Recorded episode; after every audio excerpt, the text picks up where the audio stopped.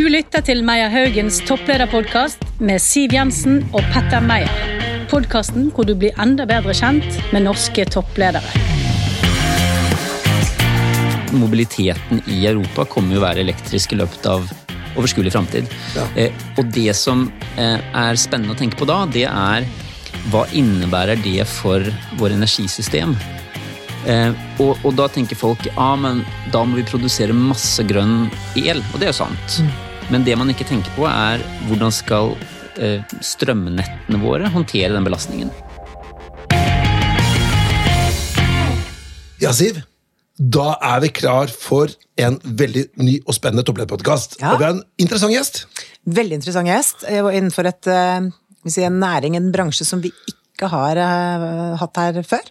Så vi får nesten bare ønske velkommen til eh, Håkon Wist, som er CEO i Recharge. Takk, Siv.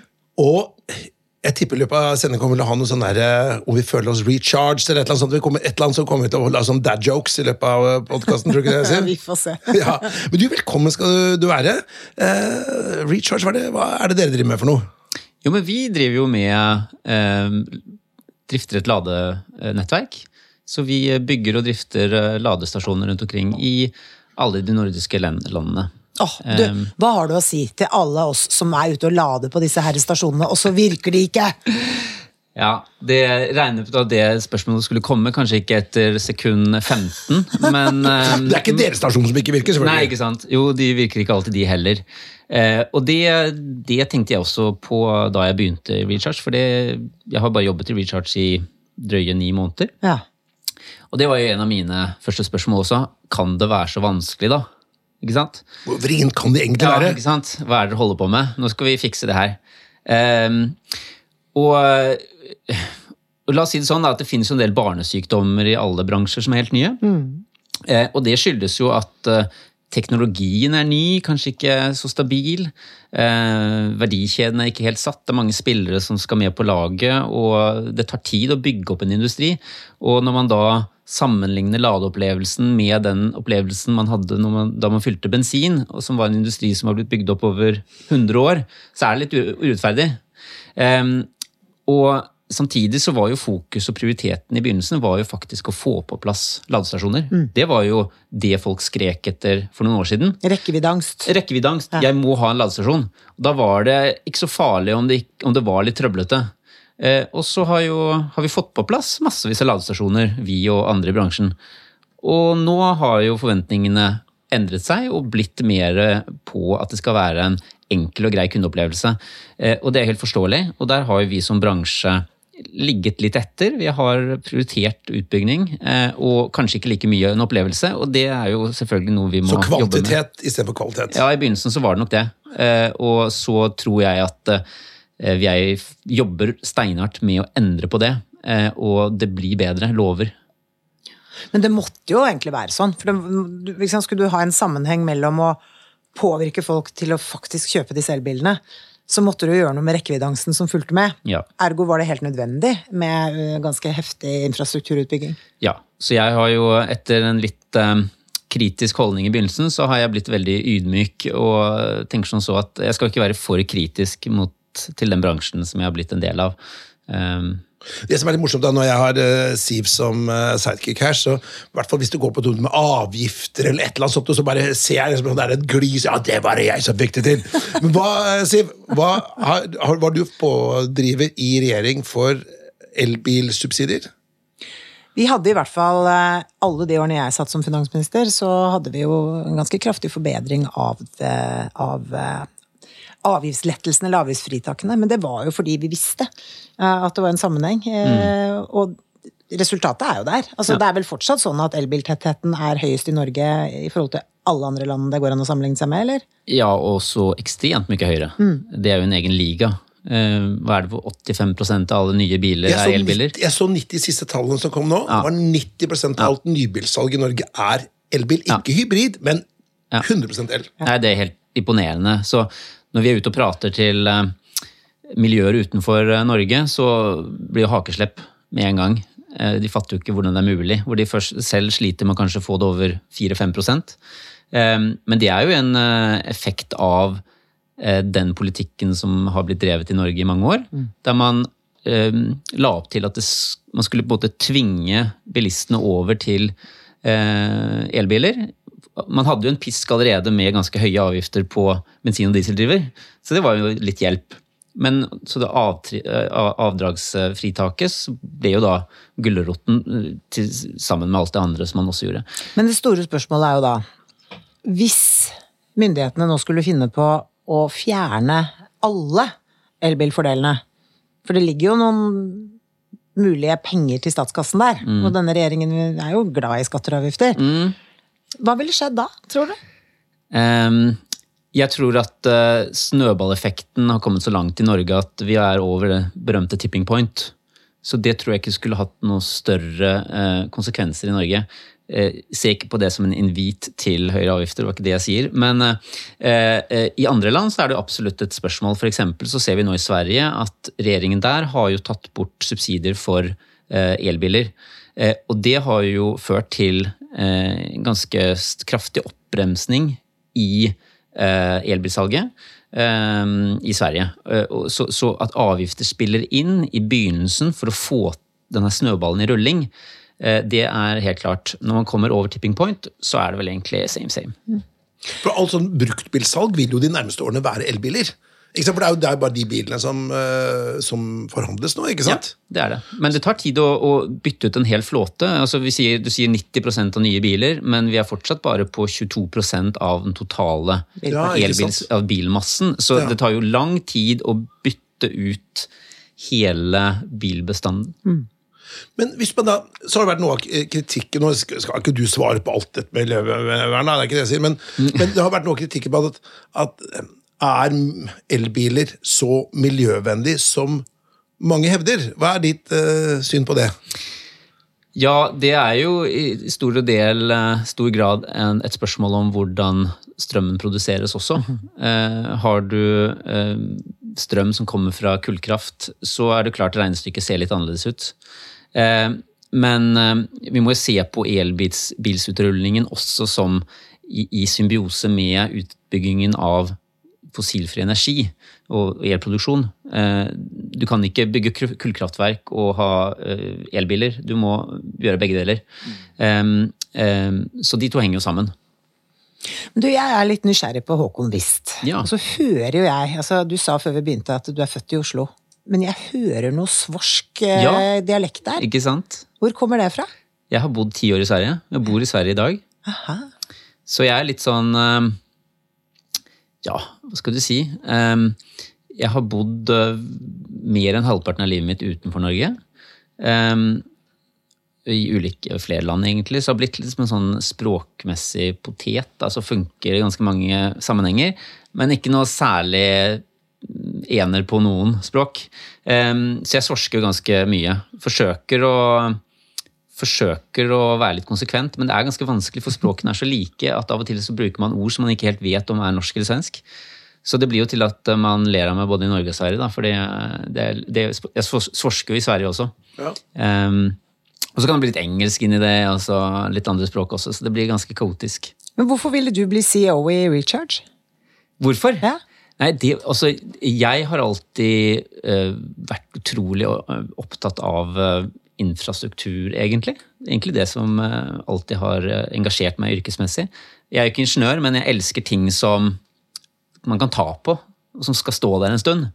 Litt sånn landemerkesak, eh, kanskje. Eh, men eh, også fordi jeg alltid har likt å jobbe med spørsmål knyttet til miljø og, og, og bærekraft. Og da kunne kombinere Eh, det her, eh, det, det syns jeg hørtes veldig spennende ut. Samtidig som eh, jeg syns det var veldig morsomt å kunne være med å bygge opp en helt ny infrastruktur, en helt ny forretningsmodell. Og så er jo det at Recharge er jo et fortsatt lite selskap, men vokser raskt. Og det å kunne være med å bygge et selskap også, fra, fra bunn, det også hørtes veldig spennende ut. Så, og så er jo vi et nordisk selskap, selv om vi egentlig har la oss si, et hovedkontor. Da, nå liker jeg ikke å bruke det begrepet, kanskje. Men eh, det var jo opprinnelig et norsk selskap, selv om det var en del av Fortum-konsernet, som er finsk opprinnelig. Eh, så er det jo nå at vi er jo helt nordiske, og det sitter jo folk i Finland og Danmark og Sverige og Norge. og, og jobber på tvers av landegrensene.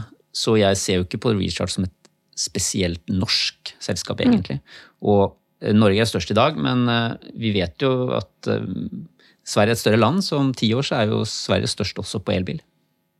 Men, men hvis du skal hjelpe oss å forstå litt den verdikjeden her? Dere sitter og lager disse eh, ladestasjonene, men de må jo stå på et sted, det må være et nettverk, det må være noe service inkludert dette her.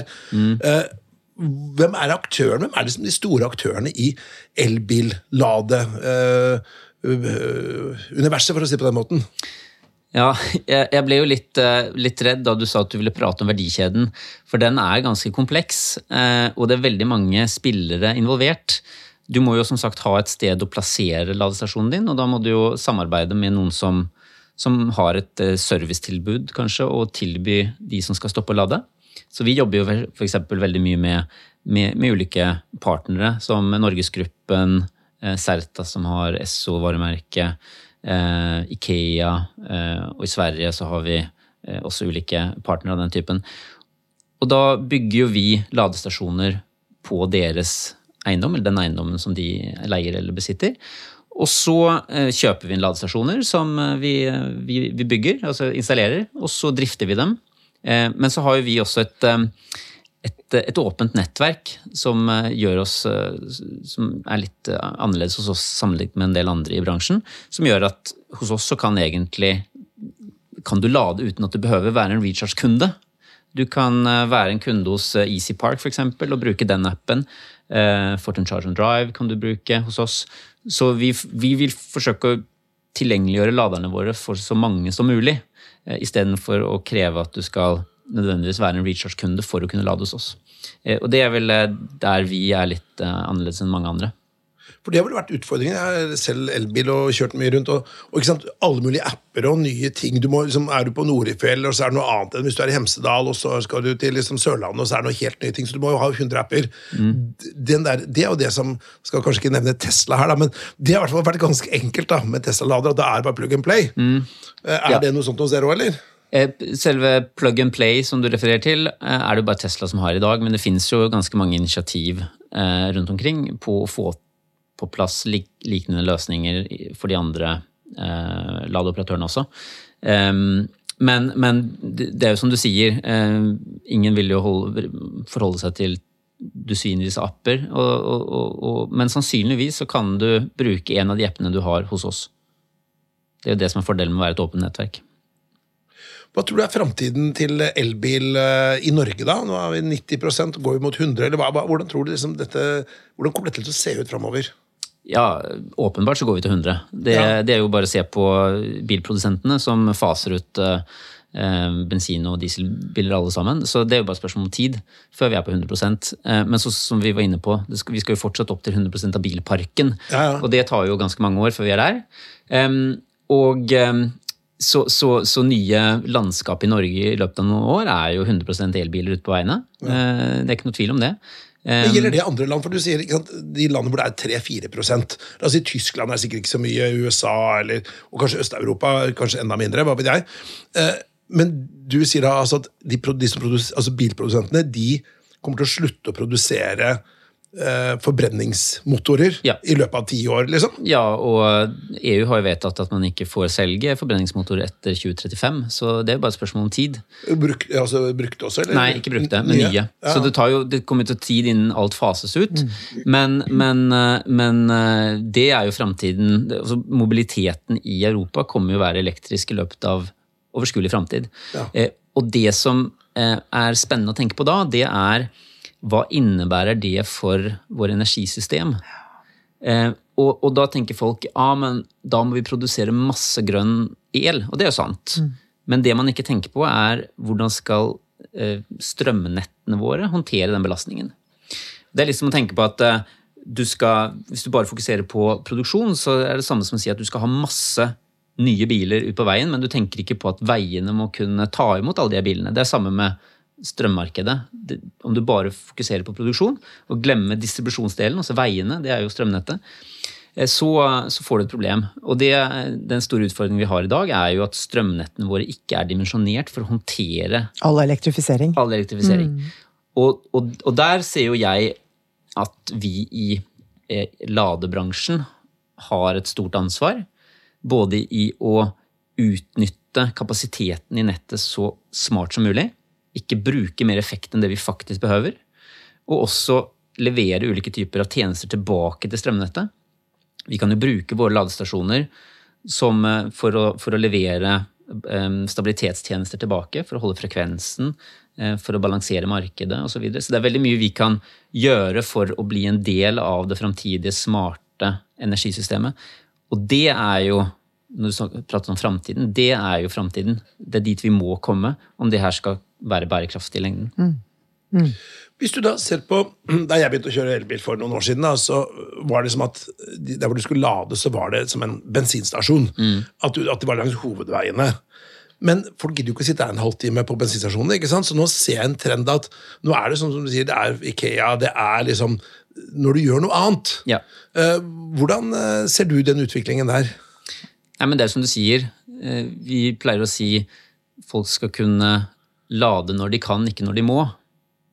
Fordi eh, om man lader samtidig som man gjør noe man uansett skulle gjort, så er det jo ikke den her tiden som man irriterer seg over. Den, man taper jo ikke noe tid.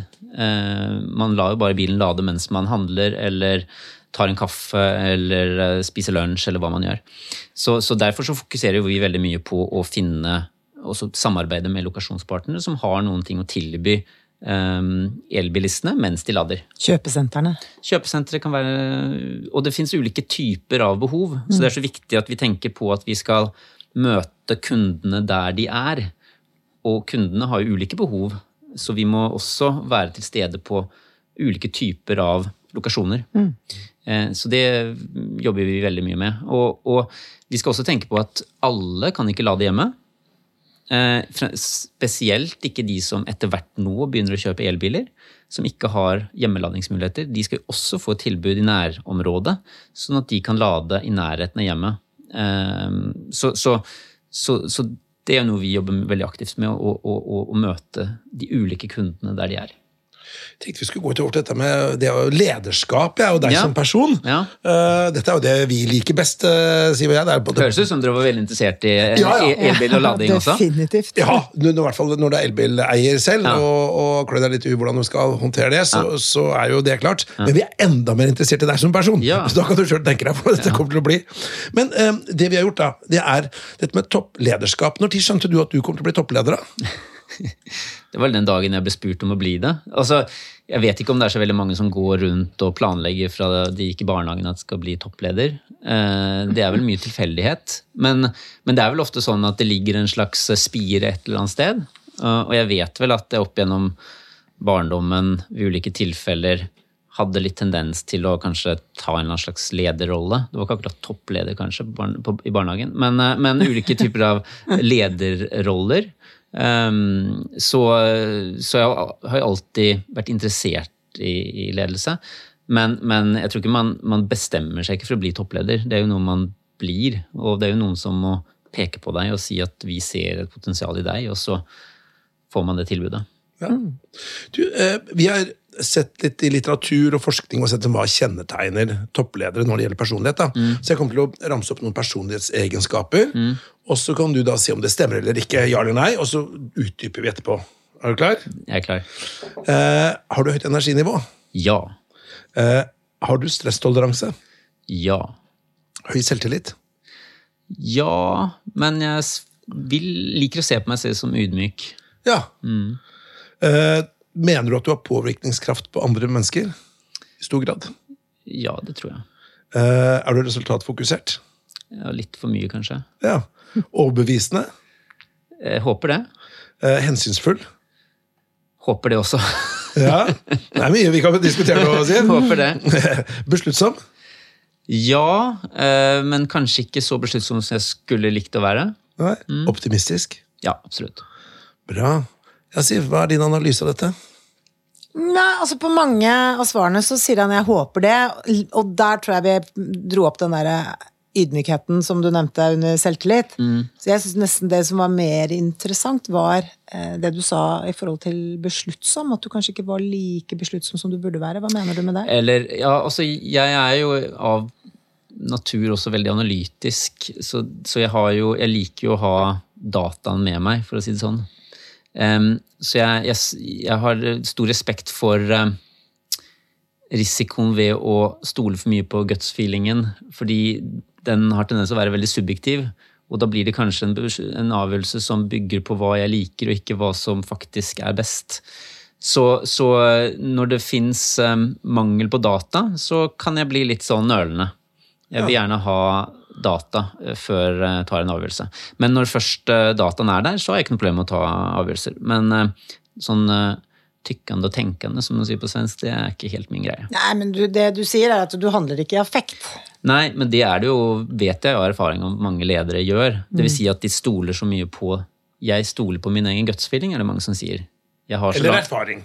Ja, og det, og det er jo erfaring, og den er viktig å ta med. Så jeg tror at det, der jeg er litt sånn selvkritisk, er vel at etter en, etter en tid så skal man også stole litt på den erfaringen. Mm. Sånn at ikke man blir for fokusert på at alltid tallene skal gi sannheten. For de, gjør, de, det er ikke alltid de gjør det heller. Så, så jeg skulle nok kanskje likt å være litt mer, stole litt mer på min egen erfaring av og til. Dette er jo veldig spennende, for hvis man tenker sånn beslutningsteori da, innen psykologien, så er det jo der kanskje mange, eller ulike personligheter har veldig forskjellig måte å gjøre ting på. da. Eh, Men hvis du er i en kompleks eh, situasjon, da, skal du gjøre det eller det, så er det jo veldig sjelden som leder du har to streker under svaret. Ja. Eh, Så, et, så kommer det liksom an på risikoappetitten din. da. Hvor mye risiko tåler du? Hvor mye usikkerhet tåler du? Har du noen eksempler her? Nei, men altså, eh, du har helt eh, rett at ofte så finnes det ikke to streker under svaret. Men da finnes det jo kollektiv intelligens. Dvs. Det vil si få så mange perspektiv som mulig. Det er også data, selv om det ikke er tall, kanskje. Eh, Forsøke å samle inn ulike perspektiv, og så bygge på det til å ta en avgjørelse. Det er vel mi, min måte å håndtere det på når det ikke fins eh, tydelig to streker under svaret. Men, men igjen, jeg er eh, jeg kan nok eh, med fordel kanskje av og til stole litt mer på min egen erfaring også. Men hva er du opptatt av når du rekrutterer nærmeste medarbeidere, da? Altså rekruttere nærmeste medarbeidere For det første så er jo jeg eh, kanskje det her med at jeg vil forsøke å framstille meg selv som ydmyk også, men altså, jeg er jo veldig mye på utkikk etter noen som er litt annerledes enn det jeg er. Eh, eh, fordi ehm, ehm, ja, like barn leker best, men jeg tror ulike barn jobber best sammen. Eh, så, så, så ehm, jeg forsøker, og, og det er jo det som vet, dere som jobber med rekruttering, vet jo det. Det er så utrolig vanskelig når du sitter i intervjuprosesser, å ikke gå i gang på en person som på en måte har samme interesser eller samme personlighet som en selv. Jeg synes Det er det vanskeligste av alt. Hvordan skal man se gjennom det og tenke ok, det her er en person som er annerledes enn meg, men som kan tilføre noe. Ehm, så, så der er det også, jeg jobber jeg veldig mye med i rekruttering med å få inn andre personer i f.eks. ledergruppa som også gjør intervjuene, så man får mer sånn bredere perspektiv på denne personen. At ikke det er jeg som skal eh, rekruttere en slags eh, copycat meg selv. Um, så det er vel det jeg mest er ute etter. Uh, andre typer av eh, kompetanser og måter å se ting på. eh, som også gjør at ledergruppen ofte kan havne på et høyere jeg skal ikke si konfliktnivå, men eh, spenningsnivå, fordi eh, man, man ser ting på ulike måter og har andre innfallsvinkler. Prate litt ulike språk. Det er ganske interessant hvordan man tror at man forstår hverandre. Og så innser man at når man virkelig går i dybden, at man har egentlig ikke forstått hverandre, fordi man ser så ulike virkeligheter bak, de, bak samme ord. Um, Spennende dette med rekruttering. For, for det, du, altså dette med elbil er jo en ganske ny bransje. ikke sant? Så når du skal rekruttere folk til den bransjen, så er det jo folk som da ikke har gjort det før nødvendigvis. ikke sant? Økonomer, HR-folk eller ingeniører. Man bare liksom ikke, har ikke erfaring med det, for bransjen er så ny. Og så kan man da stake ut kursen. Det er det man lærer sånn der walking in the fog. Vi vet ikke hvor det er, vi vet ikke hvor vi helt skal, men vi skal prøve å finne ut av dette og tjene penger på det. Så du trenger vel folk da, som har, er kanskje litt mer sånn ja, ikke er så viktig at du må ha kontroll på alle områder. da. Nei, eh, 'walking in the fog' var kjempebra uttrykk. Jeg har jo pleid å bruke det bildet av Eh, Leif Eriksson, det finnes et maleri Leif Eriksson på seilasen over til eh, Vinland. Det er litt det. altså Ingen har, ingen har vært der før. Så det finnes ikke noe kart. Det finnes ingen med erfaring som kan fortelle deg hvordan du skal reise dit. Så det handler jo om å forsøke Man vet ikke helt hvor man skal heller. Men det handler om å bare man tror at der borte finnes det noe bra, og vi vil dit. Og vil vi forsøke tyde tegnene på veien for å finne den sikreste og beste måten dit. Så du må jo ha personer som liker eh, å, å, å, å, jobbe i et miljø med ganske stor usikkerhet og eh, ikke vite alt og ikke kontrollere alt. Så ganske høy nivå av entreprenørskap mm. er jo utrolig viktig. Mm. Um, men som du sier, det, jo, det, jo, det blir veldig liten andedam. Man skal, man skal begynne å rekruttere bare folk som har jobbet med e, altså med elbiler og, og, lading. Og så tror jeg også veldig på det at det er viktig å få inn nye personer, fordi de kommer med det her med kundeopplevelse, f.eks., som bransjen kanskje ikke tradisjonelt har fokusert så veldig mye på. Jeg tror veldig mye på å ta inn personer som har jobbet med det. Det finnes jo veldig mange industrier som har jobbet med det i mange år. Eh, eh, få inn den typen av kompetanse og applisere det på vår eh, virksomhet. Mm. Så, så, vi rekrutterer vel hovedsakelig personer, nesten utelukkende personer som ikke har jobbet med lading tidligere. Og det er jo klart, det er jo en, en læringskurve for dem også. Um, men, men, det er en god investering, for i løpet av noen måneder så kan de begynne å applisere det de kan, på vår industri. Mm. Uh, og da får du en kjempegod uttelling. Elon Musk sa det at når han skulle rekruttere folk til Tesla da, i sin tid, så ville han ikke ha folk fra den tradisjonelle bilindustrien. For da måtte han, da måtte han avlære dem. Og så måtte han lære dem på nytt igjen. Mm. Så han som tok ingeniører som kom rett fra skolebenken, og folk som hadde liksom jobbet noe helt annet. Mm. Bygg en perfekt elbil, ja. som mange mener. da. Ja, ja du, jeg syns det var veldig spennende, Siv. Eh, vi har blitt litt klokere på dette biosystemet i, i eh, elbilbransjen. Er det noe du lurer på på tampen? Jeg har ett spørsmål. Mm. Kunne du ledet hva som helst? Om jeg kunne? Ledet et hvilket som helst selskap? Nei, det tror jeg ikke. Jeg tror ikke så veldig mye på, altså, jeg tror veldig mye på at ledelse er et fag i seg, eller spesielt, i hvert fall en ferdighet som du kan applisere i veldig mange sammenhenger. Men jeg tror ikke på at du kan ha ledere som ikke kan noe om virksomheten som de skal lede, i hvert fall deler av den. Eh, så um, ut ifra et ferdighetsperspektiv så kunne jeg ikke ledet hva som helst. Jeg kunne ikke ledet et eh, tech-bolag, tech-selskap f.eks. Og så tror jeg også at eh, jeg personlig må føle en slags eh, Passion? Ja, lidenskap for den virksomheten vi leder, og kunne stå inne for de verdiene som, som selskapet har, og, og, og det formålet som selskapet jobber med. Men, men, jeg har veldig stor respekt for at det er veldig mange selskaper der lederne syns andre ting er viktig. uh, og, og, velger å lede selskap ut ifra andre motivasjonsgrunner. Men eh, for min del så er det utrolig viktig. Og, eh, så, så det er jo klart I dagens samfunn så er det jo ganske mange selskaper som bidrar til f.eks. det grønne skiftet, så det er jo ganske mange selskaper som jeg skulle kunne ledet potensielt. Mm. Men, men veldig mange ikke skulle kunne ledet også. Det var mye klokt her. Det var det. Eh, men igjen, tusen hjertelig takk for eh, tiden din. Det var litt spennende å høre på hvordan du reflekterer rundt denne markedet. Og lykke til videre med den viktige jobben dere gjør. Og eh, ja, vi må si at vi heier på dere. Ja, men Virkelig. Takk skal du ha. Det var veldig kort å være her. Takk skal dere ha. Du har lyttet til rekrutteringsselskapet Meyer Haugens topplederpodkast. Vi produserer også Rekrutteringsrådet og stillingspodkaster. Har du forslag til gjester eller tema vi bør snakke om, gå inn på vår Facebook-side Meyer Haugen.